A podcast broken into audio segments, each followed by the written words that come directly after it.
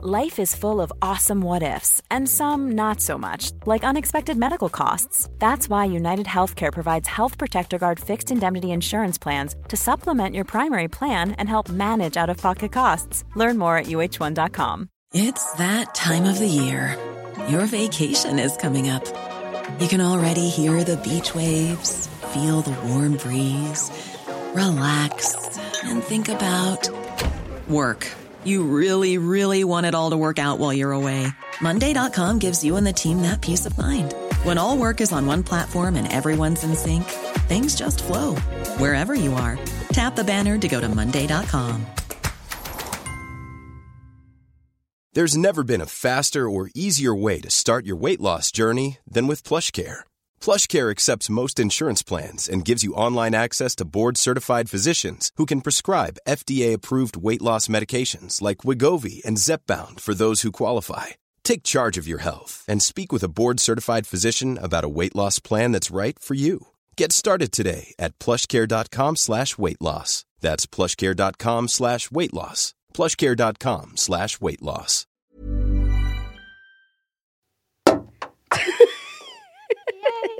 Sånn, nå kan podkasten begynne. Skål. 730 betyr jo crazy. Hva er 730 i deg? Dette er 730.no, og jeg heter Mathilde Ullum. Velkommen til 730.no. Caroline Nitter er gladjenta fra Tromsø som tok hele Norge med storm gjennom fjerde sesong av Ex on the Beach. Og helt ærlig må jeg si at jeg aldri har sett noe som Caroline på TV før. Nå er hun her med meg, og vi må finne 730 i Caroline Nitter. Å, finne 730 igjen. Ja, det betyr crazy. Takk for at du fikk komme hit. Ja, takk for at du ville komme. Gleder meg masse. Du har jo masse 730 i deg, tror jeg. Så 730 er en sjekk Ja. på om du er sane in the head? ja. OK, I'm gonna fail. Jeg Hvis du har det, det høres 730, så er du crazy. Her- Å, herregud, så sykt kult navn. Og så er det blitt en sånn slang i rapp Du, og Hvis man sånn. googler da, hva er 730, så er det Norges største nettside for popkultur! Ja. det er ikke da rart at folk det. ikke vet. Nei, vi har tatt over navnet. Du, det er det du har. Ja, Kanye West har gått ut og sagt at han ikke er 730. Jeg syns woke-kulturen er veldig interessant, fordi noen ting er jo sånn som det og med Balenciaga eller liksom med Kanye eller noen ting som det. Eller liksom Andrew Tate og sånn menneskehandel, og du begynner å liksom Da blir jeg litt sånn øh, Selvfølgelig, som alle andre. Men på mange andre måter så syns jeg det er veldig sånn liksom en kult. Jeg tror det var når folk begynte å melde på hverandre etter covid. Når det var sånn du skulle sjekke liksom melde på din nabo. Ikke sant? Hvor er naboen? Har de festa? Hva faen skjer? Akkurat som andre verdenskrig. Ja, ja. Så, ja, litt sånn der. Hvem har Hvor er jødene, liksom? Uff. Og så bare ble det bare verre og verre. Skulle folk blande seg opp i alt? Jeg synes det ble noe av det helt syke. Du måtte liksom forsvare alt hele tiden. ja. Jeg husker Venninnen min jobber som modell, og hun hadde ikke jobba på flere måter. Og så skulle Ja. hun reise til Italia, og det Ja. var sånn Alle bare 'Skal de reise til Italia?' Hun turte ikke å si det til noen. Og hun ble Ja. jo der kjempelenge for å liksom få jobba Helt Litt. merkelig. Jeg reiste jo masse i Koran personlig, da. Ja. Jeg ga jo fullstendig. Noe som var en kjempegod avgjørelse. Angrer ikke et sekund. Nei. Men jeg fikk jo kjempemye korona, da. ja. Det var jo ikke så gøy. Hvor ofte har du hatt Så det? jeg hadde sikkert fire-fem ganger jeg.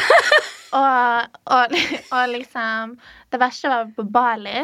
Når vi hadde leid en dritfin sånn luksusvilla, og liksom en av de dyreste vi leide, for det er jo så utrolig billig der, så du kan få, få det veldig, veldig fint. Eh, Det første som skjer, er at vi får så korona, den der heavy koronatypen. Og det er bare musklene våre og kroppen bare faller sammen. Og vi liksom karantener oss inne der i to uker og bestiller sånn mat på døra. Til slutt er vi så lei av hverandre. Vi er så lei av han mannen som kommer med maten. Vi er så lei av villaen. Vi er så lei av Bali. Og så hadde vi fortsatt sånn jeg tror tre uker igjen. Så, men vi var i hvert fall sol og varme, så Ja. Så her i Norge var det jo helt ja. Altså, jeg satt bare hjemme alene i leiligheten min, og så trente jeg hver dag da for å liksom ha noe å gjøre. Ja. Og så klarte jeg å ryke korsbåndet på hjemmetrening. Og jeg lå herregud. liksom bare på stuegulvet alene og gråt. Det var ingen som kunne komme. Og jeg var sånn Hva gjør jeg? Hva gjør det? Ja. For du er singel, ja? Jeg var det da. Det, ja, du var det, da. Ja. Det. Trent alene på gulvet. Jeg følte at det var med en Bridget Jones-episode eller sånn. Det var det, det er jo litt sånn, da. Ja, ja, ja. Jeg følte sånn all by myself. Altså, det jeg lå og gråt. Jeg tenkte sånn Herregud, naboene kommer til å banke på nå og Ja. spørre om det går bra. Jeg lå i 20 minutter og skrek, altså. Og gråt. Men hva gjorde du til slutt? Eller fikk du tak i en lege? Uh, nei, jeg var bare liksom krabbet bort til fryseren og fikk tak i en ispose. Og så Ja. lå jeg bare der. Og så var jeg sånn Ja, for bare Fordi korsbåndet, hvor er det egentlig? eh, Det er kneet. kneet liksom. Å, herregud. Mm, Er ikke da- det veldig, veldig ille, egentlig? jo, det er ganske vondt, i hvert Ja. fall. Og så Jeg har operert og sånn nå. Ja. Etterpå? ja. Å, herregud. Det var bare så farlig tid, altså. Ja. Å sperre deg inn i leilighet, det er ikke trygt. Nei. Altså, Du burde heller bare fått den koronaen like mange ganger som meg og bare vært rundt deg. Så det var mye verre for deg å være i leiligheten. Ja, men jeg blir så lett smittet, så jeg har jo hatt det like mange ganger som deg. Ja, ja, men jeg venter enda på en unnskyldning for, for det der. Jeg syns ikke det var greit Nei. å, å stenge oss inne, selv om, jeg- ikke skal klage. Altså, hvordan våger de? Hvordan våger de? Jeg syns det var mye verre det, vi, det der zombieviruset de snakka om for noen stunder siden, og apekopper og sånn, Ja. når det skal påvirke liksom, hvordan du ser ut, da, om du blir liksom død innvendig og sånn, da begynner jeg å bekymre meg. Det skjønner jeg. I hvert fall når man har brukt ganske mye penger på utseendet. Da Ja, Ja, det er også noe man gjør i korona. Nå setter jeg den grønne jusen min i helsen. Eh, Bokstavelig talt. noen i, i korona Noen fikk seg kjæreste. Noen ble gravide. Og noen opererte seg. Og noen var bare normale mennesker, sånn som alle egentlig burde vært. Jeg opererte meg. Det var ganske Mm. nice, for du trengte ikke å dra noe sted. Så du opererte deg, så lå du bare sånn. Jeg bare hila. Det har jeg ikke tenkt over, men det var jo selvfølgelig den beste tiden å The ta best time. Okay. It was the best of times, but the worst of times. Ja, for jeg har sett bilde av et gammelt bilde av deg som TCMN har lagt ut på Instagram. Og det er ganske stor forskjell fra det bildet til nå. Yeah. Og eh, når tok du din første operasjon? Eh, min første operasjon Det var da jeg var 18. Mamma hadde legekontor i etasjen under Volvat i Tromsø. Så husker jeg at jeg hadde gymtime, eh, for jeg gikk ennå på skolen. Og så skulle jeg dra og operere meg, så jeg hadde liksom vaska kroppen min med sånn antibakteriell såpe. Jeg tok på meg en sånn loose clothes, gikk ned dit, fikk med meg en venninne som passa på at ikke mamma var i gangen eller noe. Løp forbi opp der kontorinngangen hennes, og så bare tok det jo sånn fire timer, og så lå jeg der en stund, og så ble jeg fulgt ut igjen av venninna mi. Og så gikk jeg med skjerf og store hettegensere i månedsvis. Så moren din fikk ikke vite at du hadde Mamma fikk ikke vite det, for jeg fikk ikke lov. Og det var eh, brystene? Det var, det var puppene. Ja. Og så dro jeg og venninnen min og, på en sånn sammen, sammen på en liten jentetur. Uh, og så fiksa vi nesen. Uh, og så gjorde jeg vel ikke så mye mer for Jeg selvfølgelig tok mye fillers på den tida. TSM-en var jo Ja, da var det jo lov til å reklamere for fillers. Back in the good old days. så det var liksom sånn Fillers, fillers, fillers, fillers. Det var liksom greia. Så jeg tok jo så mye fillers. Jeg så jo helt gæren ut. Ja, så fikk jeg en god idé om jeg skulle dra til kirka og fikse tennene mine. For det hadde ingen gjort før. Så det gjorde jeg òg. Og så dro jeg på X. Og så, jeg, og så ble det korona, og så Så gjorde jeg mye forskjellig. Men da du var 18, hadde du ønsket deg en operasjon lenge? Ja, ja, ja.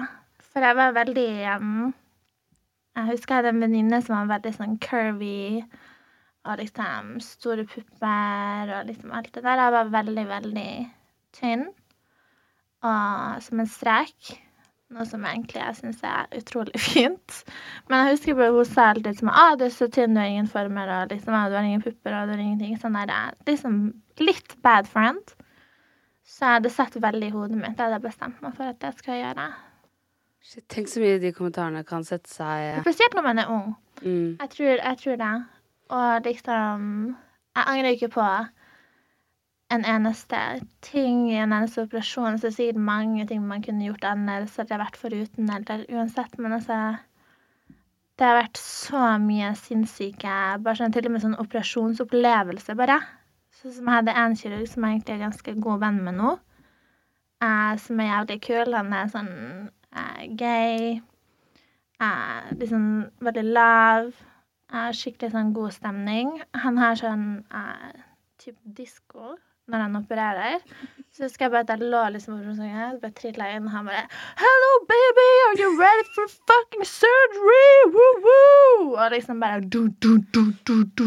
Jeg bare og så våkna jeg, og så var jeg super Altså, det var liksom Det var en vibe. Så det er liksom sånne ting som det. Eller når jeg var på en sånn liksom sted, fikk meg, fikk meg noen nye venner, en god venninne av meg som jeg møtte der, hun driver noe sånn eh, fillers-greier sånn i UK, en så stor klinikk nå. Som jeg, hun, hun har jeg møtt når jeg har vært og operert meg. Og jeg husker to andre jenter fra Norge som jeg møtte, og de, var, de hadde seg sånn BBL. Så de gikk rundt med sånne blodposer, og så var det sånn, de sånn rusa på sånne medisiner og sånn. Så de sto liksom og husker de sto og dansa til en sånn sang med Drake. Du vet den derre hvordan sang var det? Det var på den tida der. Og bare sånne morsomme bilder i hodet. Og hun der ene fra, fra England som bare nekta å ikke drikke vodka. Så hun liksom hadde nettopp operert sånn sikkert fem-seks ting, for hun skulle gjøre alt på en gang. Hun satt der og så helt gæren ut. Hun opererte liksom fra sånn- Nesebeinet? Og hun hadde, hun hadde operert sånn seks ting. Hun hadde tatt ansiktet, puppene, og nesa alt sammen. Hun satt der og så ut som en mumie. Give me the fucking vodka! Ikke sånn hun og kjæresten de satt og drakk vodka liksom sola seg bare Good luck, honey. Ja, men da du var 18 år, så bodde du jo fortsatt hjemme, gjorde du ikke det? Jo, jeg gjorde det. Men, og moren din fikk ikke vite at du hadde operert puppene? Nei, ikke før jeg var på ski, for skiferie, da. Og på sånn spa-hotell, og jeg Men måtte måtte gå du ikke bikini. ligge i sengen, og er det ikke en ganske lang eh, periode hvor man er jeg, syk? Jeg committer jo til det jeg vil. Så jeg gikk rundt i smerter der og bare var litt syk, liksom. Jeg skulle spise middag og hadde på meg skjerfet. Til slutt hadde hun skjønt det, da, og så ble hun ikke sur. Nei, var hun ikke sånn 'herregud, stakkars, jeg skal du ikke legge deg ned', og Nei. Nei. Hun syns ikke synd på meg. ikke det hele tatt. Det tror jeg ikke mammaen min heller hadde gjort. Mm. Hun No ikke synd mercy. meg. Nei, nei, nei. Så jeg og mamma mi, vi prater ikke om sånne ting. Nei. Nei. Det er det Så- beste. Vi er helt uenige. Vi kommer alltid til å være det. Og hun ø, jobber jo som lege nå, gjør hun ikke det? Mm. Og har hun sagt noe om det? Eh, nei, hun sier ikke noe mer nå lenger. Nei. Eller jeg tror kanskje hun har blitt litt herda. Alt jeg har gjort nå. Jeg tror mye av det jeg har gjort, har vært for en sånn liksom indre rebelsk stempel på at nå skal jeg bare gjøre det verste er det verste, på en måte. Jeg kan gjøre, og være 100 den jeg vil være, og den er jeg akkurat nå. Så ser du det, og så må du bare akseptere det. Hvis ikke trenger du ikke å prate med meg. Tenker du det mot henne eller mot alle? Sikkert mye mot mamma. Ja. Fordi hun er så nær meg. Men selvfølgelig, det andre inngår jo også i det. Har hun vært veldig streng mot deg som barn? Uh, nei. Hun, hun har vært streng på sånne ting hvor den Hun har vært veldig flink på liksom å gi oss god næringsrik mat og vært en utrolig god mor, god å prate med. Veldig sånn fin og varm dame. På noen ting har hun bare ekstremt sterke meninger, sånn som meg, og, og veldig sånn Jeg tror hun bare ville veldig, veldig, veldig at jeg skulle ha det bra og lykkes, mens hennes måte hun så for seg i sitt hode at det skulle være, var fullstendig feil for meg.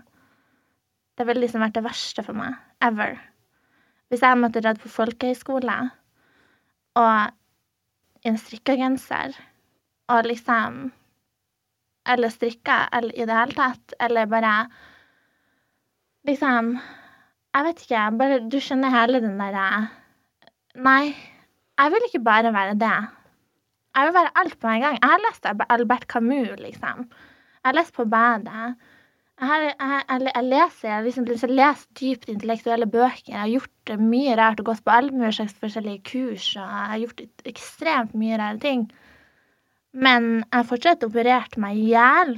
Har vært med på reality. Jeg driver med liksom Og viser kroppen min sånn. og, og jeg syns man skal få være alt på en gang. Så hun bare har slutta, rett og slett. Du må ha vært igjennom de ting i livet, så finner du fort ut at ingenting spiller noen rolle i det hele tatt. Vi alle skal dø. Føler du deg litt nummen, liksom? Men jeg har alltid, alltid, alltid, alltid, alltid, alltid følt meg veldig, veldig, veldig, veldig ensom. Har du? Ja, alltid. Du har kanskje skilt deg litt ut der du har vokst opp? Mm. Men også i, men, men jeg hadde masse gode venner og god familie. Men alltid følt meg ensom. Og enda gjør det. Litt sånn. Men nå har jeg blitt litt sånn akseptert litt den der Holder meg sjøl litt i hånda. Jeg føler at det er meg og meg. Det er jo det forholdet du skal ha hele livet ditt, da. Bare thrive in your loneliness. Men den ensomhet oppsto den sterkere etter at faren din døde?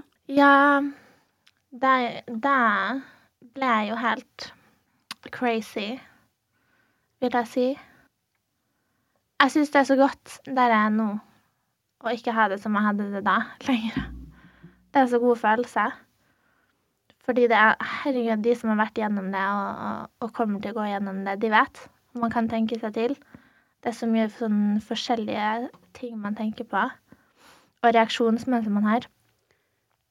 Um, man føler seg kanskje mer ensom av en sånn opplevelse, men samtidig så var det alltid noen som også hadde opplevd det samme. Jeg fikk så mye fine meldinger fra, fra folk som faktisk hadde opplevd det samme. og Du var også jeg vil ikke ung. si at det var det som Ja, jeg vil ikke si at det var det som gjorde at jeg følte meg så Jeg tror det var at jeg var litt annerledes, ja.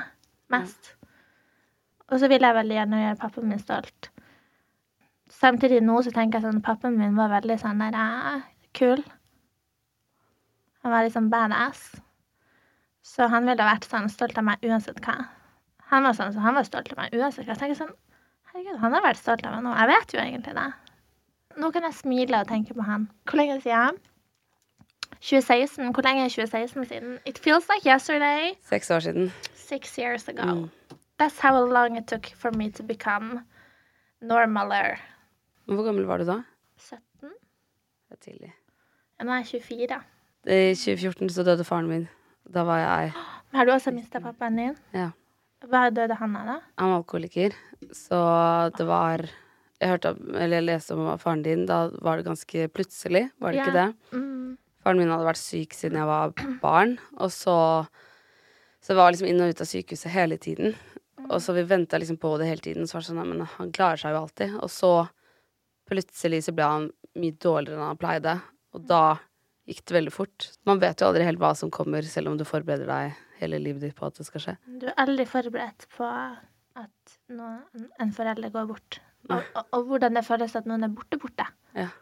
Sånn om, om så du har noen som ikke står til stede, om du har noen som er alkoholiker, om du har noen som er, har dratt fra deg, eller uansett hva det er, så er du aldri forberedt på at de er borte borte.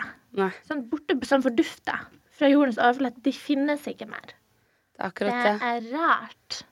For Folk var ofte sånn Ja, men Ja. var det så kjipt egentlig da, hvis han var så syk fra før? Og så var det sånn, men Da hadde jeg jo et håp om at han skulle bli frisk, at Ja. noe skulle bli bedre. Nå har jeg, ja, og nå har jeg ingenting Sånn, nå må jeg akseptere at det forholdet der kommer aldri til å bli bra. Nei, og du, og du fikk ikke det, det Det du håper på. Mm, Mm. Det er også noe du må svelge. ja, den, er, den sjansen er borte. Og det er det som jeg tror er vondest for, for oss. Spesielt jenter. Vi blir jo veldig glad i, i som ideen om, om hva en pappa er. Da. For eksempel da, om, om vi ikke har den beste pappaen. Men det her med de fikse ting hjelper liksom den maskuline på en måte veldig, veldig viktig rollefiguren, syns jeg. Og så har du liksom ikke den muligheten der. Og da lener du kanskje på andre litt Mm. mer. Kanskje går det inn i noen forhold du ikke burde gjort. Kanskje du skjønner du? Kanskje liksom overkompensere det på andre måter. Litt sånn daddy issues, da. Tror du at du har det? Um, nei, jeg tror ikke det. Sa du med et smil. Jeg tror jeg vet ikke. Jeg har så mye issues, jeg vet ikke. Jeg går til psykolog nå. Hvor lenge har du gjort det? Jeg har alltid elska å gå til psykolog. Jeg har gått til psykolog siden pappaen min døde, og um, jeg har alltid følt at jeg har vært psykologen sin psykolog. For jeg vil at de skal spørre meg om noe ekte. Sånn, ingen vil si meg hva som er galt med meg. Ingen jeg har aldri hørt sånn Du er deprimert, du har angst, du har aldri fått en diagnose på noen ting som helst. Jeg vil gjerne liksom at de bare skal si det. Jeg skal si sånn Ja. Å ja. Mm, mm. Så jeg hadde eh, en i Tromsø, så hadde jeg en i, en i Oslo. Og der kom jeg egentlig bare for at det var hyggelig å gå dit. Og, og jeg fikk det gratis sånn via TV-en, så jeg bare sånn tok meg en kaffe. Så gikk jeg dit, så var jeg sånn Ja, hallo, god dag. Satt meg ned og pratet litt. Ja, det er litt kjipt nå med det. Og ja, det skjedde jo det i helga, men det går bra, liksom. Du vet, litt sånn OK, ha det. Så nå prøvde jeg da en alternativ person. Men han prøvde en sånn rar form for terapi. Han ville at jeg skulle få mitt, eh, mitt sinne ut på han, at jeg skulle sitte og kjefte på han. Og da ble jeg helt sånn der eh, Altså Hva? Nei, det hjelper meg ingenting. Kan ikke du bare si Karoline, you have so many issues. Liksom Here you need to do this and this. Men jeg har også gått i terapi i Jeg tror jeg har blitt sånn ni år nå. Ja. Og Har du god erfaring med det, da? eh, veldig god erfaring med det. Kanskje jeg må spørre dem nå? Ja, du kan Tips. gå til min. Ja, begynner å gå til samme. Du har jo lært sikkert veldig, veldig mye. Ja, veldig. Og du er jo en veldig varm og fin og åpen og intelligent person. Takk. Sånn som jeg har inntrykk av deg, og, og, og sånn som jeg ser. Så nå har du jo fått av det, men altså Hun sa jo sånn at du må skrive en diagnose og sånn, fordi alle psykologer må det, tror jeg. Hvis man skal få det typ støttet, eller Ja. Og da sa hun, men det en, du har ikke en diagnose. Jeg var sånn, jo, det, det har jeg. Det har jeg. Har du? Mange. Mange? Jeg har googlet. Ja, jeg har Jeg googlet. Har du Ja. hørt om dramatiserende personlighetsforstyrrelse? Mhm. Har du hørt om alt, all of the above? Ja. All of the above. Det er meg. Me too. Thriving. Ja, blir så skuffet når jeg ikke får diagnoser òg. Herregud, ja. Kanskje det. Jeg tror kanskje det jeg vil ha. Jeg vil ha en diagnose.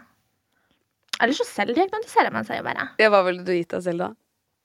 Eh, Jeg vet ikke alle begrepene, men jeg føler mange ting jeg leser, så er jeg bare sånn det er meg.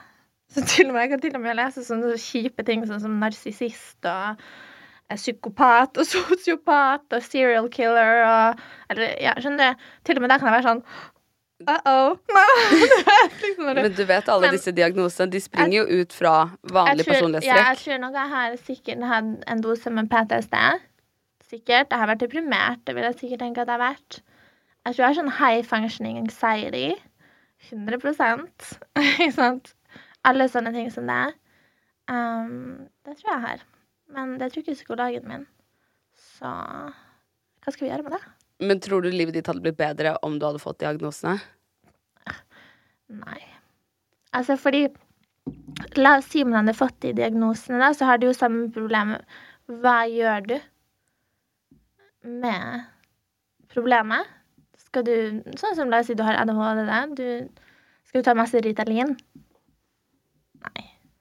Helst ikke. Helst For ikke. mange. Ja. Så, og, og, samme er det jo med liksom, antidepressiva og liksom mange av de tingene. Det er helt forferdelige greier. Ja, man skal jo lære seg å leve med det uansett. Og så er det jo noen som selvfølgelig trenger medisiner og må ta det. Men jeg, jeg, jeg tenker man, man prøver og feiler. Liksom. så først så drakk jeg, drakk jeg mye. liksom Holdt på med litt sånn for å døyve, min, mine, mine, mine pains. Det har liksom fulgt en sånn gyllen middelvei. Og så merker jeg veldig sjøl, det kommer varsellamper opp hvis jeg merker at nå er det fare for at ting går litt ut av svingene her. Ikke sant? Og da, begynner da drar jeg meg sjøl litt inn. Og da gjør jeg ting som jeg vet at roer meg ned på andre måter. Så klarer jeg å holde meg på banen. Jeg tenker Så lenge du har noe å se frem til, noe å jobbe mot, og liksom noen klare mål med deg sjøl, så det er det viktigste å bare keep moving. Uansett hvor dritt og jævlig du føler deg, og syk i hodet eller uber, weird, deprimert, crazy as fuck, så må du bare fake it to make it. Ja. Men når er det du får disse varsellampene opp om at nå begynner du å bevege deg litt for langt?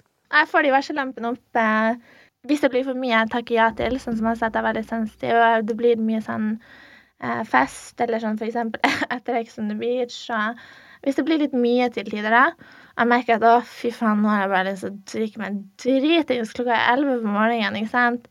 Nei, Karline. Nå er det noe du prøver å, å døyve ned her. Liksom. Det går bra. Dra på trening. Center yourself.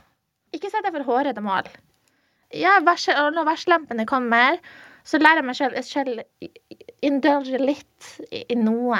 Og liksom pleie meg litt med et eller annet, men, men ikke for mye. Så går det som regel over. Ja. Det er det man, man glemmer man har det kjipt. Så tenker man, åh, det, er jævlig». det går alltid over.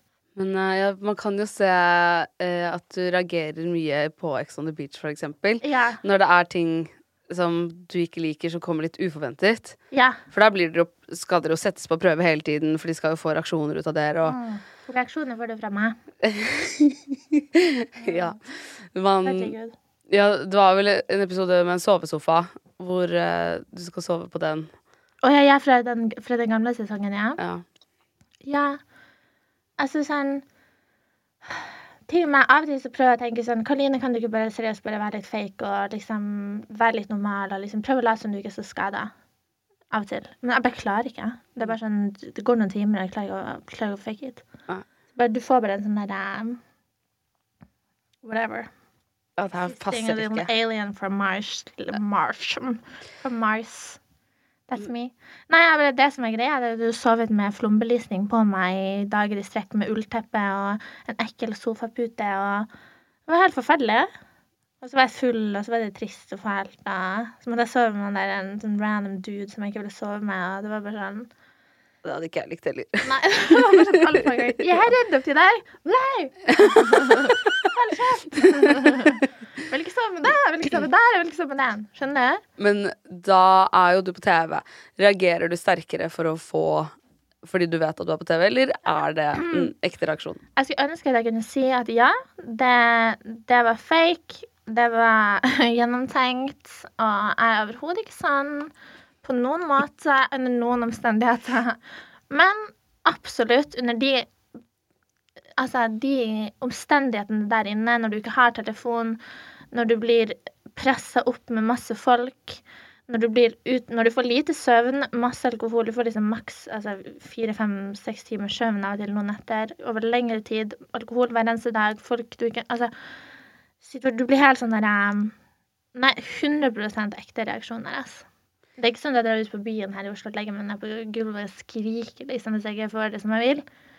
Da, da, da kan jeg jo bare dra fra situasjonen. Da hadde du jo fått en diagnose. kanskje. ja, Hvis du- 100 da, ja, da, hvis de skulle diagnosert meg ut ifra det, det der, da hadde de opplevd mye rart. Men jeg tenker at liksom, jeg, sånn, jeg elsker den delen ved meg òg, fordi det er sånn Det er noe av det kleineste jeg kan se på. Og noe jeg får, kan få så fylleangst av, å bare vite at liksom sånn Oh my god, this is This is too much. Men samtidig så er jeg sånn I love you, baby. It's gonna be fine. Ja, altså. It's just life. Alle har sine greier. Memories. Fy faen, altså, de sinneutbruddene der, altså. Men altså Noen ganger Jeg blir, jeg blir, jeg, blir, jeg blir så sint. Jeg blir som en sånn liten sånn tekoker. Jeg vet ikke hva jeg skal gjøre av meg. Det bare pip! Og så bare holder jeg på å eksplodere, liksom. Men du vet, alle har noen sånne. Det er bare at din kom på TV. Mens alle andre later som de ikke har det, og snakker Ja. ikke om det. Men det er som venninnene mine sier liksom sånn Karoline, jeg kjenner deg ikke igjen. Så sånn, Nei, selvfølgelig gjør du ikke det. Fordi du har ikke vært på Ex on the Beach med meg. Du har sittet og drukket vin med meg, vært ute på byen med meg, vært på ferie med meg, vært, og jeg liker deg. Yeah. Vi har en god relasjon. Jeg, jeg henger jo ikke med folk jeg ikke liker. Jeg, liksom, jeg holder ikke på med liksom, hele opplegget der til vanlig. Så liksom, hvordan, hvordan skal jeg noen gang måtte være sånn in my life? Nei, det Så det er jo, altså, det er jo utrolig gøy å ha- gjort det. Jeg er så glad for at jeg har gjort alt uansett. Og veldig ferdig med det nå. Jeg vet at du har fått mange tilbud før du sa ja til å være med på Ex on the Beach sesong fire. Oh, ja, De spurte vel deg flere ganger, og så har Ja. vel Paradise Hotel spurt. Ja, ja, ja. Ja, det, gjør det, vet. Du vet så mye, du. Jeg graver og jeg graver. ja.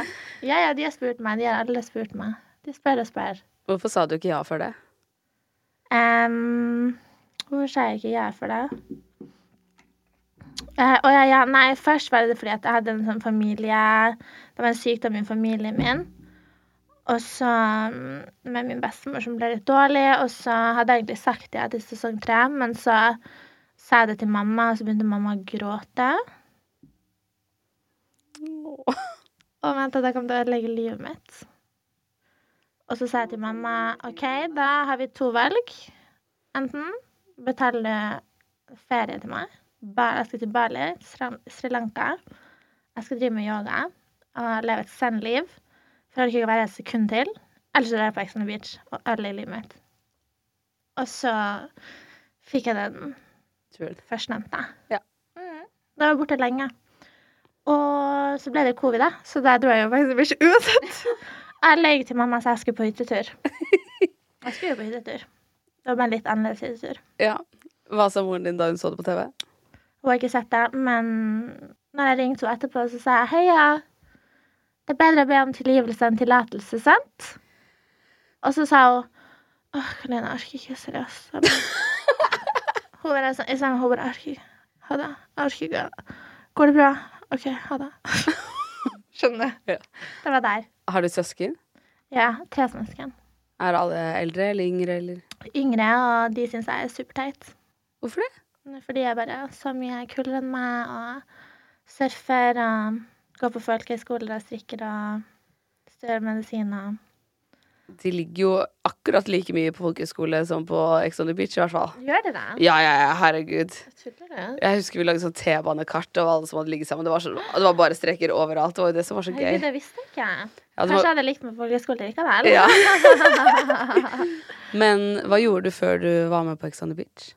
En kjæreste fra Australia, så jeg gjorde det litt på Bali og litt på Sri Lanka. Og så jeg jobba på sykehjem. Det var en veldig traumatisk opplevelse. Fordi det var veldig vanskelige brukere, og jeg er veldig redd. Det var sånn voldelig sånn oppførsel. Jeg, kunne, jeg, jeg, liksom, jeg var helt sånn her, liksom. Jeg tok på meg, husker jeg tok på meg fire jakker før jeg skulle på jobb. Fordi jeg kom til å bli liksom skalla ned eller liksom slått eller noe. Bare sånn just in case. Det var sånn, vi For å kunne ikke ha dempe slagene? ja, Liksom, ja. Skummelt, altså. Oi. Det tror jeg er det mest, noe av det mest traumatiserende jeg har gjort i hele mitt liv. Du, sånn, Jeg vil heller dø enn å gjøre det igjen. Kollegaene mine det var de som drev med jiu-jitsu og kampsport. liksom. Og de var vanlige. Det var liksom bare sånne, sånne gutter med store muskler, og så var det meg. Å, Jeg shit. skjønner ikke hvorfor jeg ble ansett. Det er beyond me. Men det kunne du kanskje ikke tenke deg å fortsette med? Aldri i livet har Nei. jeg gjort noe sånt. Og det vil ikke sagt det var en god erfaring heller. Det var en traumatisk opplevelse. Da skjønner jeg at du kommer til moren din og bare OK, du har to valg. Enten så drar jeg Ja. på Ex on the Beach, eller så betaler du dette er for meg. Ja, men virkelig. Jeg hadde ikke lyst til å studere, jeg hadde ikke lyst til å gjøre noen ting. Og så Jeg ville bare du reise. Ja. Og jeg ville bare flørte med alle guttene jeg så. ja. Og det var så mye kjekke gutter. Og bare liksom Og så fikk du kjæreste, og så ble det Ja, slutt. først jeg fikk flere kjærester. Var liksom en italiener. Uh, men han var så sjalu. Og så var det en spanjol. Men han var for uh, tøsete. Uh, så var det en brite, men han var creepy. Og så var det han australieren, og han var bare herlig. Men så var det en episode der, der jeg hadde liksom de liksom alle liksom på en gang, som sånn sjonglerende baller. Og um, da hadde jeg liksom Først hadde jeg spanjolen på besøk, for vi hadde liksom, fordi min, min stebestemor, min, grandma, som man kaller henne, hun har et hus der nede, en sånn stor villa. Så de hadde hatt poolparty i, um, i huset tidligere på dagen. Og da tenkte jeg fint, det her er ettermiddagen til my Australian baby. Hvem har glemt sekken sin på rommet mitt? Det er jo han spanjolen som har vært på poolparty. Så jeg sitter i senga, eller i senga med han der eh, aust australieren, my baby. Og så plutselig står han spanjolen, og kommer seg inn porten og står sånn her i vinduet. Og, og, og han australieren bare What the fuck? Someone broke in the fucking house! og jeg bare Oh my god! Yes! liksom, han bare Han løper frem og låser døra og bare What the fuck? Ikke sant? Og han der spansk Han, han spanjolen kan jo ikke engelsk.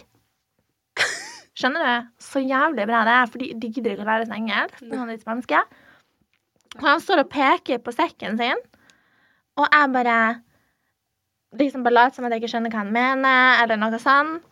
Og så til slutt så Jeg husker ikke helt hva som skjedde, men jeg klarte liksom akkurat akkurat av Dodgen, den, for jeg tror han, han australieren gikk ned for å snakke med han ene vakta, og så tok jeg sekken ut, og så bare ga han til han, og så bare woo, Altså, det er så funny. Dodged a bullet. Men snakker du spansk?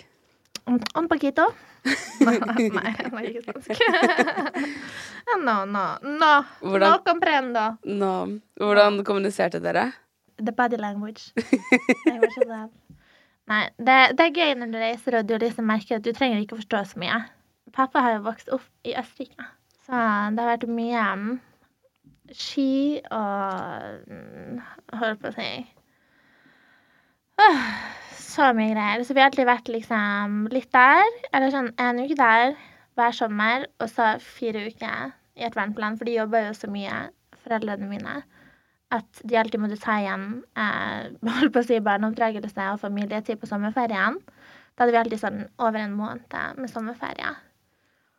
For vi hadde jo liksom eh, Vi hadde jo au pair, og vi hadde jo eh, hushjelp og liksom alt det der.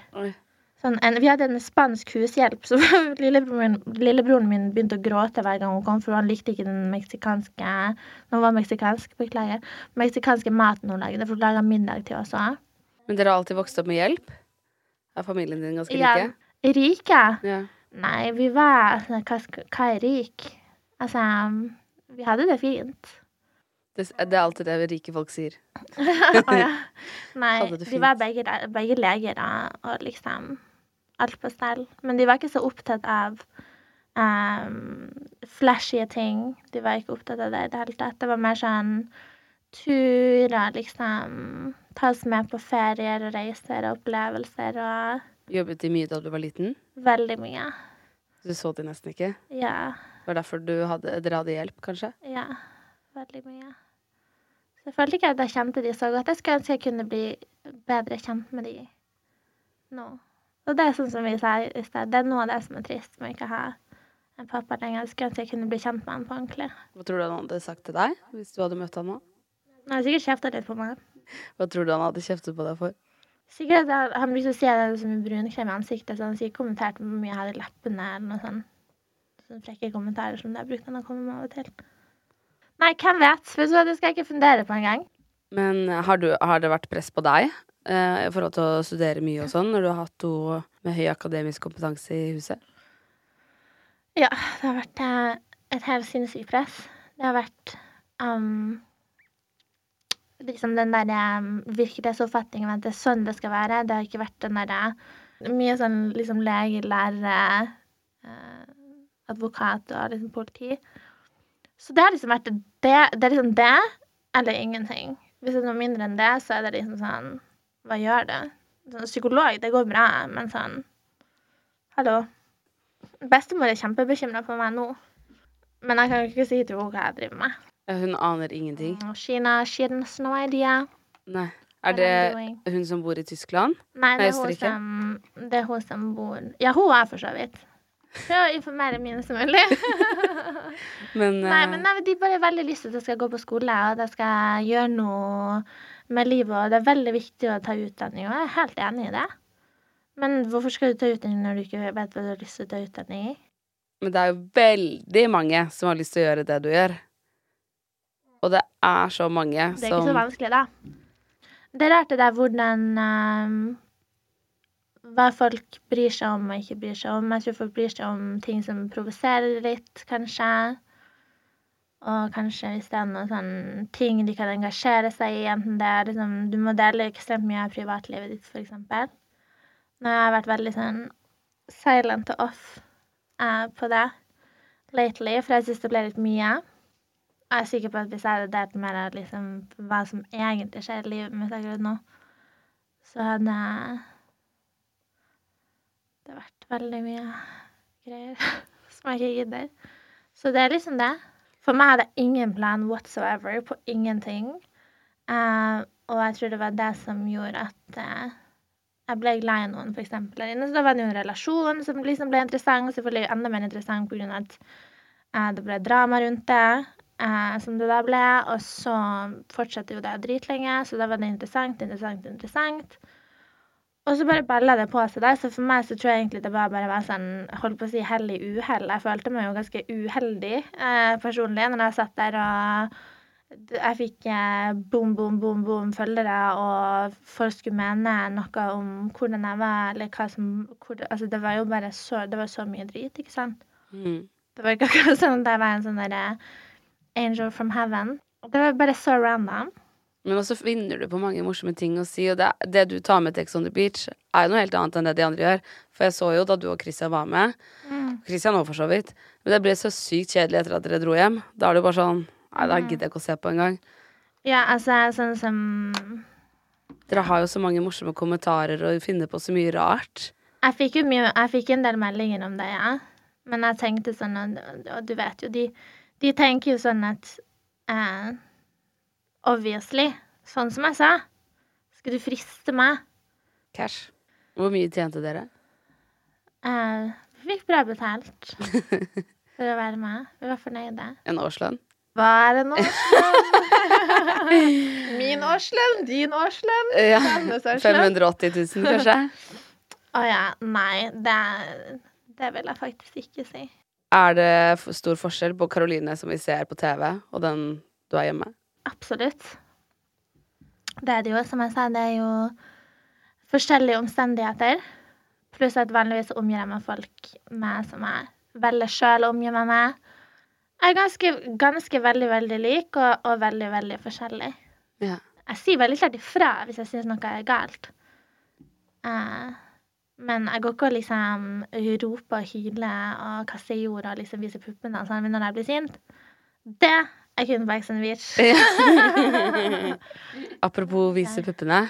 Ja. Um, hvorfor startet du med Onlyfans? Uh, det var så nytt. Og vi var på karantenehotell i Jakarta. Vi skulle til Bali. Vi skulle være der i jeg tror det var ti dager. Og vi hadde ingenting å gjøre. Ingenting. Og tenkte sånn Hva skal vi gjøre på hotell? Altså, vi kan gå rundt nakne her, vi kan ta bilder altså, Ikke sant? Så og hadde liksom Christian pratet litt om det med Onlyfans, og jeg syntes det var liksom skikkelig sånn rart å skulle drive med det.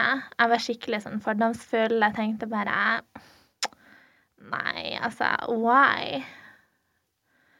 Men så bare til slutt så kjeder man seg jo, da. Og så lager vi liksom Så lager jeg en konto. Og så begynte vi bare å liksom poste litt bilder og liksom legge ut, og så bare boom. Så boomer det inn. Og så fant meg helt av. Og så er vi sånn Å ja! OK. Jeg forstår. Og du trenger bare gjøre det. Å ja, OK. Og noen liker tær. OK. Ja, ja. Kjør på. Og så bare Det var egentlig det. Kjedsomhet, rett og slett. Hvor mye tjener man? Man tjener ekstremt godt. eh, I hvert fall i den perioden der. Du må tenke at nå er det litt annen tid. I den perioden der var det covid. Folk satt hjemme. Det hadde nettopp begynt. eh, og vi hadde nettopp vært på TV. Og alt det der. Og det var veldig interessant for mange. Så mange, mange, mange mange, mange hundre tusener du tjener på en måned på det. Mm. Er det sant? På begynnelsen, ja. I hvert fall. Over en årslønn i måneden? Flere årslønner? Mm. I begynnelsen, ja. I begynnelsen. Da var det oh, fy Det kan jeg faktisk si. Eller jeg liker ikke å snakke om, om det. Jeg gidder ikke å si liksom hva jeg tjener og whatever, fordi det er sånn Det er kjedelig, og det blir, som, det blir sånn overskrifter, og så blir det VG, og så kommer de, og så står det 'Karoline selger sex'. Orker ikke at familien min skal se det. Nei, Så jeg gidder ikke å prate så mye om det, egentlig. men du selger jo ikke sex. Nei, ikke, ikke sånn direkte, i hvert fall. Og sånn som er veldig cheesy å si, men det er jo det at man tjener på sin egen seksualitet versus at andre gjør det for deg, for du blir seksualisert uansett. Så hvorfor ikke bare seksualisere deg sjøl for egen profitt? Folk, folk dømmer som faen. Folk hater det. Jeg tror jeg aldri, hvis jeg hadde blitt singel nå, jeg aldri kunne fått meg en kjæreste igjen som hadde vært fra Norge. Som visste hvem jeg var, og hva jeg drev med. Folk er så dømmende. De er så dømmende. Tror du det? Jeg tror det, jeg tror det plager den personen så mye. Oi. Mm. Men plager det Christian? Nei, Dere gjør det jo vi sammen. gjør det jo liksom Det var jo noe vi begynte med sammen, så da er det liksom greit. Men jeg tror ikke det hvis jeg, hvis jeg skulle bli singel nå. Da hadde jeg tenkt sånn It's just me. Nei. Altså, nå snakker vi om noe som ikke skjer engang, da. Du har jo kjæreste. Men Ryan Reynolds here from Mint Mobile. With the price of just about everything going up during inflation, we thought we'd bring our prices down. So to help us, we brought in a reverse auctioneer, which is apparently a thing. Mint Mobile unlimited premium wireless. Ready to get 30, 30, bit to get 30, bit to get 20, 20, 20, bit to get 20, 20, bit to get 15, 15, 15, 15 just 15 bucks a month. So, Give it a try at mintmobile.com slash switch. $45 upfront for three months plus taxes and fees. Promo for new customers for limited time. Unlimited more than 40 gigabytes per month. Slows. Full terms at mintmobile.com. A lot can happen in three years, like a chatbot may be your new best friend. But what won't change? Needing health insurance. United Healthcare Tri Term Medical Plans, underwritten by Golden Rule Insurance Company, offer flexible, budget friendly coverage that lasts nearly three years in some states. Learn more at uh1.com. Quality sleep is essential. That's why the Sleep Number Smart Bed is designed for your ever evolving sleep needs. Need a bed that's firmer or softer on either side? Helps you sleep at a comfortable temperature? Sleep Number Smart Beds let you individualize your comfort so you sleep better together. JD Power ranks Sleep Number number 1 in customer satisfaction with mattresses purchased in-store. And now, save 50% on the Sleep Number limited edition Smart Bed for a limited time. For JD Power 2023 award information, visit jdpower.com/awards. Only at a Sleep Number store or sleepnumber.com. Hva er det folk spør om oftest om Onlyfans? Litt sånn hjerteskjærende ting, egentlig, der de sier liksom at å, de har ikke råd til um, For spesielt etter covid. De har ikke råd til husleie. Liksom, jeg sliter så økonomisk. Hva skal jeg gjøre? Jeg trenger noen tips. Og liksom Åh, du vet. Altså, og så må jeg jo bare si sånn at liksom Det her er ikke noen sånn quick fix for deg, liksom. Det her er Jeg har valgt det jeg har valgt. og Jeg, jeg, jeg kan gjøre det jeg gjør av den jeg er. Hva jeg er komfortabel med. Men for en annen person så kunne det vært så destruktivt. Penger kommer og går, men du må tenke på alle de andre tingene i livet ditt òg. Og ting likes, ting kommer ut. Det her er hvem som helst kan komme inn og titte på det her. Kan du se hvem som følger med på dere? Ja. Og man kan ha full kontroll.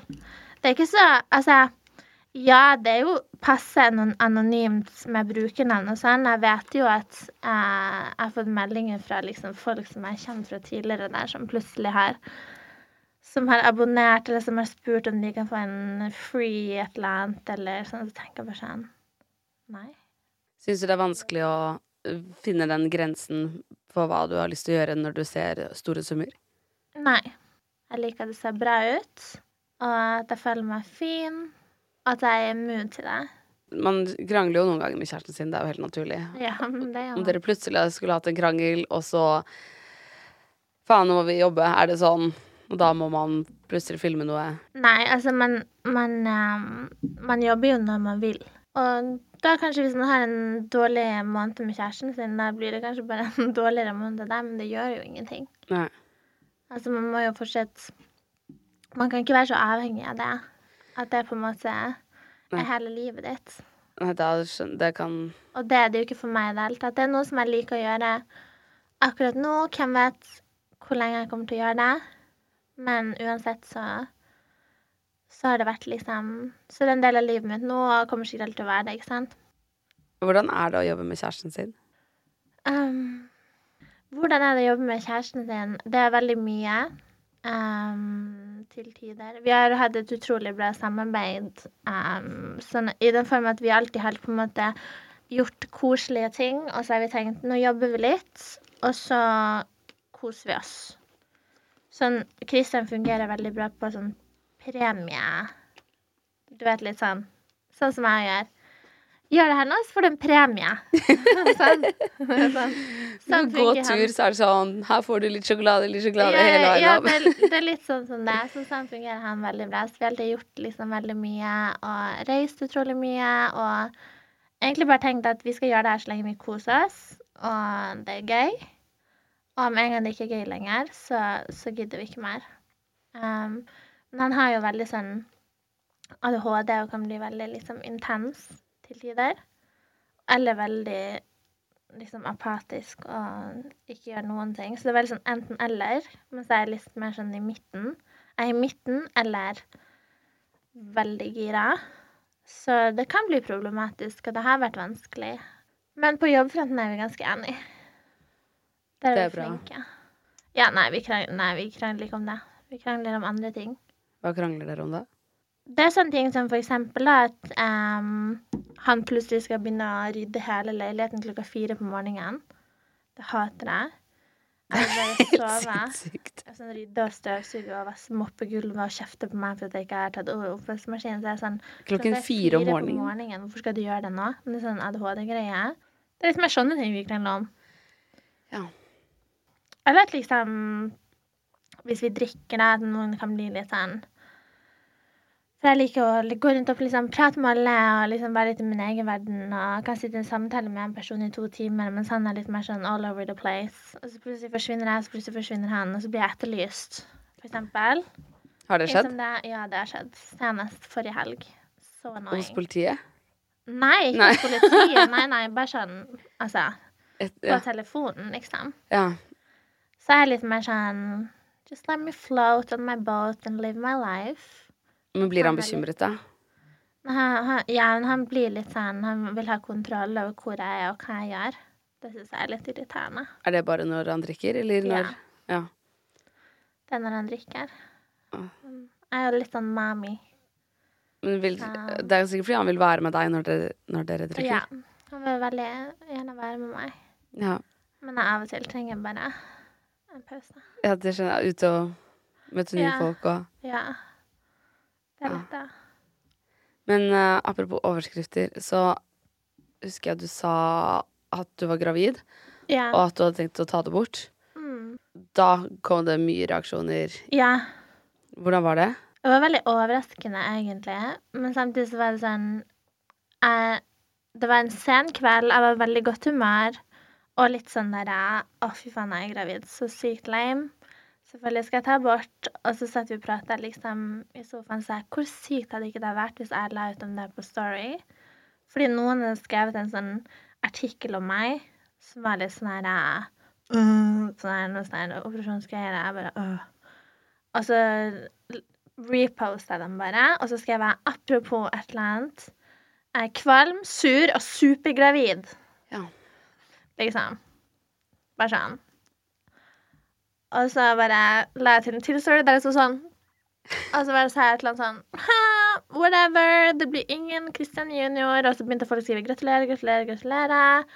Og så fikk jeg litt panikk, og så sletta jeg det. Men da var skaden allerede skjedd. ja. Men da var det Det lå ikke ute ute i ute kanskje maks 10-20 minutter. Ja. Det er ikke så lenge. Også, men nei, men så hadde skaden skjedd. Så da, da måtte jeg bare ta det opp. Og så, og så klarte jeg å si på liven på Reality Awards Fordi jeg har en god tone med de. Jeg snakker så mye drit med de, og alltid liksom bare kødda så mye med de. Så når de sa til meg sånn er du gravid?' Så sa jeg bare sånn 'Ja'. Ikke sant? Så det var sånn naturlig for meg bare si 'ja'. Sippi gjør det. Drit i det, liksom. Og så ble det bare så sykt sånn der speisa, liksom. Jeg så jo helt gæren ut. Det hørtes jo helt crazy ut. Måten jeg sa det på, settingen og alt, var jo veldig sånn off.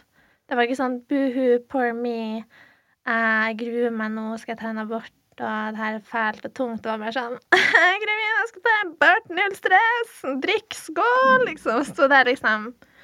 Altså Men hvordan var, det, hvordan var det egentlig? Sånn det egentlig var, det var jo Det er jo aldri gøy å ta en abort. Jeg har gjort det før. Og jeg går jo ikke på prevensjon av at jeg ikke tåler eh, hormoner. Jeg blir så deprimert av det. Ja. For meg personlig så var det som en mørk sky, det var som et, et teppe løfta seg fra mine øyne, og, og jeg følte meg klar i hodet igjen. Mm. Og så tenker jeg sånn, OK, skal jeg da heller bruke en app som sier til meg når det er liksom eggløsning og prøver liksom sånn, og er jeg uheldig, ja, faen, det suger. Eller skal jeg gå hver dag i mitt liv og føler meg som en lesser version of me? Hvorfor tar du ikke kobberspiral? Ja, for det, du må ha blødninger i månedsvis av det. Det Og jeg har ikke tid til det akkurat nå. Det er, liksom, det er liksom å ta laserbehandling for håret på kroppen og legger og sånn. Du må være blek som faen. Ja. Sånn, jeg har ikke lyst til å være blek som faen akkurat nå. Akkurat, jeg har ikke lyst til å blø som faen i månedsvis akkurat nå. Sånn, la meg vente til jeg liksom skal i kloster eller være nonne eller et eller annet sånt, så har jeg tid til det. Neste covid. Ja, neste covid, neste pandemi. Nei, så, men jeg synes det ble jo litt mye selvfølgelig til slutt, og så måtte jeg si sånn at herregud, om folk skal bry seg så mye om jeg tar abort, så er det sånn Det er jo, det er jo veldig, veldig vanlig å ta abort. Hvorfor må vi abortshame folk når vi nettopp har hatt så mye overskrifter om abortlover i USA, og hvorfor det blir ulovlig for folk, og folk har så sterke meninger om det. Her kommer jeg og melder at jeg skal ta abort, og så er det liksom supervanskelig for folk å svelge, og at det er en fornærmelse mot de som er ufrivillig barnløse. Og så tenker jeg sånn Veldig, veldig trist, selvfølgelig, at du er ufrivillig barnløs. Det er jo utrolig Altså så, så trist for de som virkelig ønsker seg barn. Altså fra bunnen av mitt hjerte. Men uansett hvor trist det er for deg, så hadde du aldri, aldri fått mitt barn. Nei, nei. Jeg har, jeg har helt ærlig ikke lyst på barn. Mm. Lov å si det? Det er Altså, jeg føler ikke det er 100% lov. si det. Jeg har ikke lyst på barn. I hvert fall ikke sånn som ting er nå. Jeg har ikke lyst på barn som vokser opp med, med sosiale medier.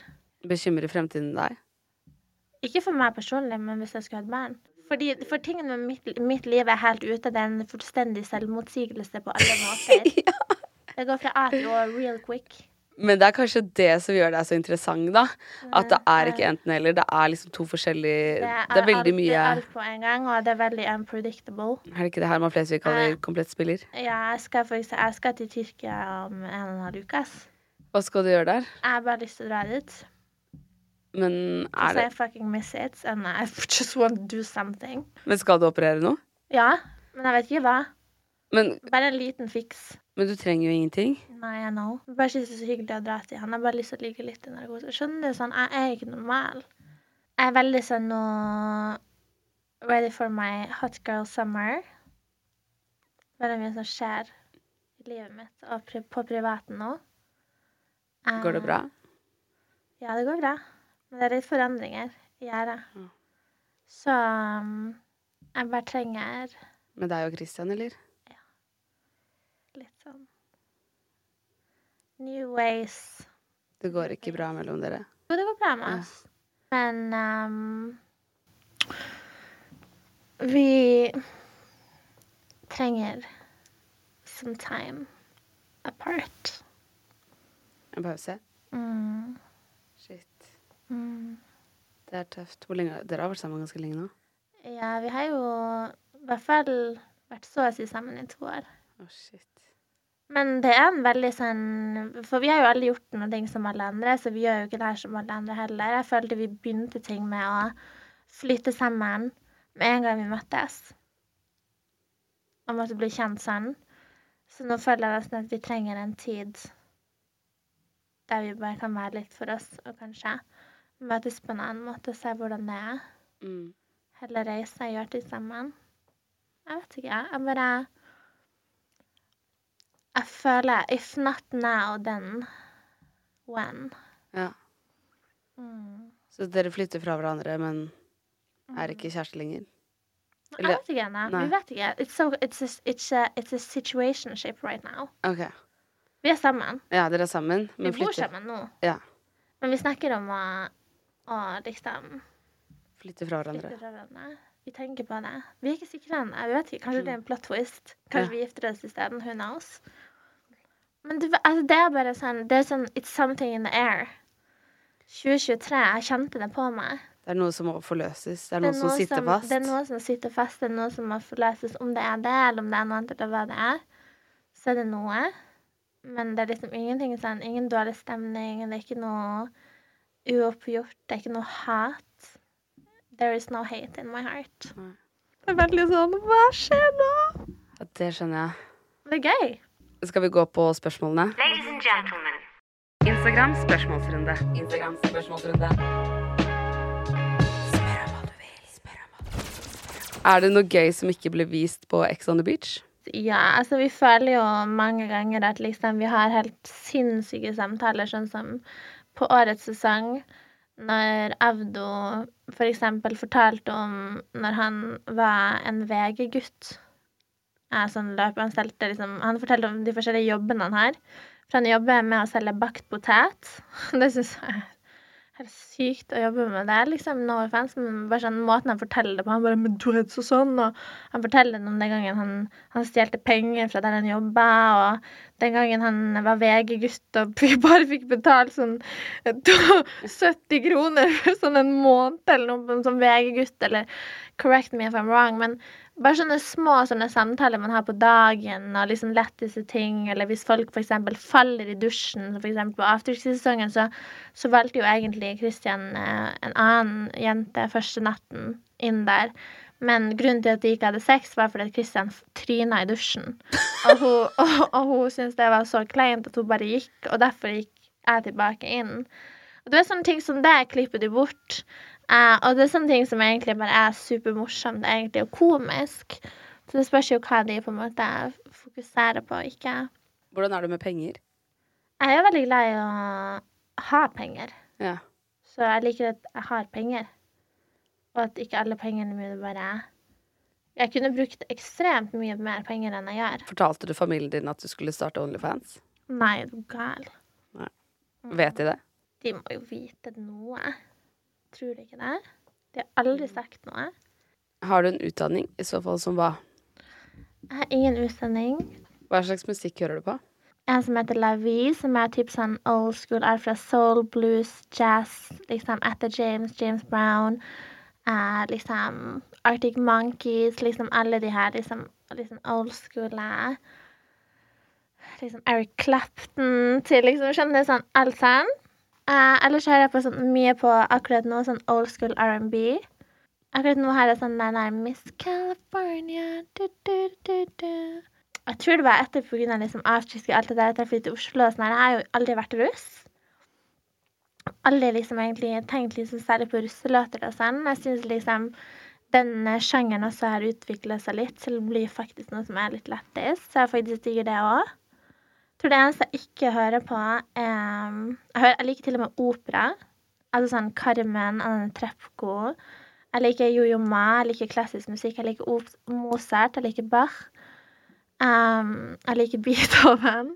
Og da mener jeg ikke Beethoven de, men faktisk Beethoven. Um, men jeg liker de andre òg. Uh, eh, og så Det tror jeg det eneste jeg ikke liker, er sånn metal. Eller sånn Ed Sheeran og sånn. Det setter meg litt ut. Jeg blir litt ukomfortabel av det. Det blir litt av hendene mine. Jeg er altfor sånn derre åh, sånn, oh. Altså, folk blir litt for sånn klagete og litt sånn der Celine Dion og litt sånn der. Da blir jeg litt sånn fy faen. Ja. Pitbull og sånn, det setter meg litt gjør meg litt ukomfortabel, og det klør litt. Du er veldig åpen for nye erfaringer. Ja. Og så er du ekstremt hardtarbeidende. Altså når du bestemmer deg for noe, eh, veldig, committed. La, veldig lat hardtarbeidende. Men når du bestemmer deg for noe, så er du veldig committed. Ja. Altså, jeg har aldri hørt om noen som har operert puppene sine og så bare tatt på seg en hettegenser og så levd livet videre. Ja. Det hørtes jo helt forferdelig vondt ut. Gjennomføringsevne er på 100 her. Skal vi gå ut på den? Ja. Tusen takk.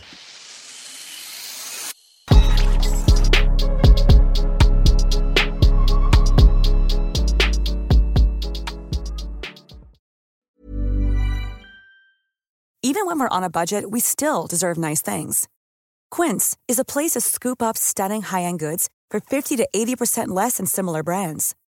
They have buttery soft cashmere sweaters starting at $50, luxurious Italian leather bags, and so much more. Plus, Quince only works with factories that use safe, ethical, and responsible manufacturing. Get the high-end goods you'll love without the high price tag with Quince. Go to quince.com/style for free shipping and 365-day returns. Confidence starts with loving who you are. And when your skin feels nourished and glows on the outside, you naturally radiate confidence from the inside. Give your skin a glow up with Osea's clinically proven Mega Moisture Duo. This ultra hydrating body care features two of Osea's best sellers, Undaria Algae Body Oil and Undaria Collagen Body Lotion. These seaweed powered heroes use skincare level ingredients normally reserved for your face for results you can see and confidence you can feel. Osea has been making clean, clinically proven seaweed infused face and body care products for over 28 years. This luxurious skincare is vegan, cruelty free, and climate neutral certified, so you never have to choose between your values and your best skin. Glow from the inside out Get 10% off your first order with code GLOW at OseaMalibu.com. That's O S E A Malibu.com code GLOW. Tusen takk for at du hører på 730-podden. Hvis du har lyst til å være veldig kul, så er det bare å legge igjen fem stjerner. Og da blir jeg veldig glad, fordi det er jeg som lager alt til denne podden. Og jeg trenger masse gode stjerneanbefalinger for å kunne be sjefen min om litt høyere lønn. Så det hadde vært veldig fint. Jeg slipper nye episoder hver eneste tirsdag. Og hvis du ikke har hørt alle ennå, så er det bare å spole tilbake i biblioteket. Og trykker du på følg, så kommer alle de nye episodene rett inn i spilleren sekundet de blir sluppet. Send meg gjerne en DM hvis det er noen du har veldig lyst til å ha som gjest. Og husk at vi alltid poster spørsmålsrunder på Instagram Story, så da kan du få med spørsmålet ditt i neste episode hvis du vil det. Ha det bra!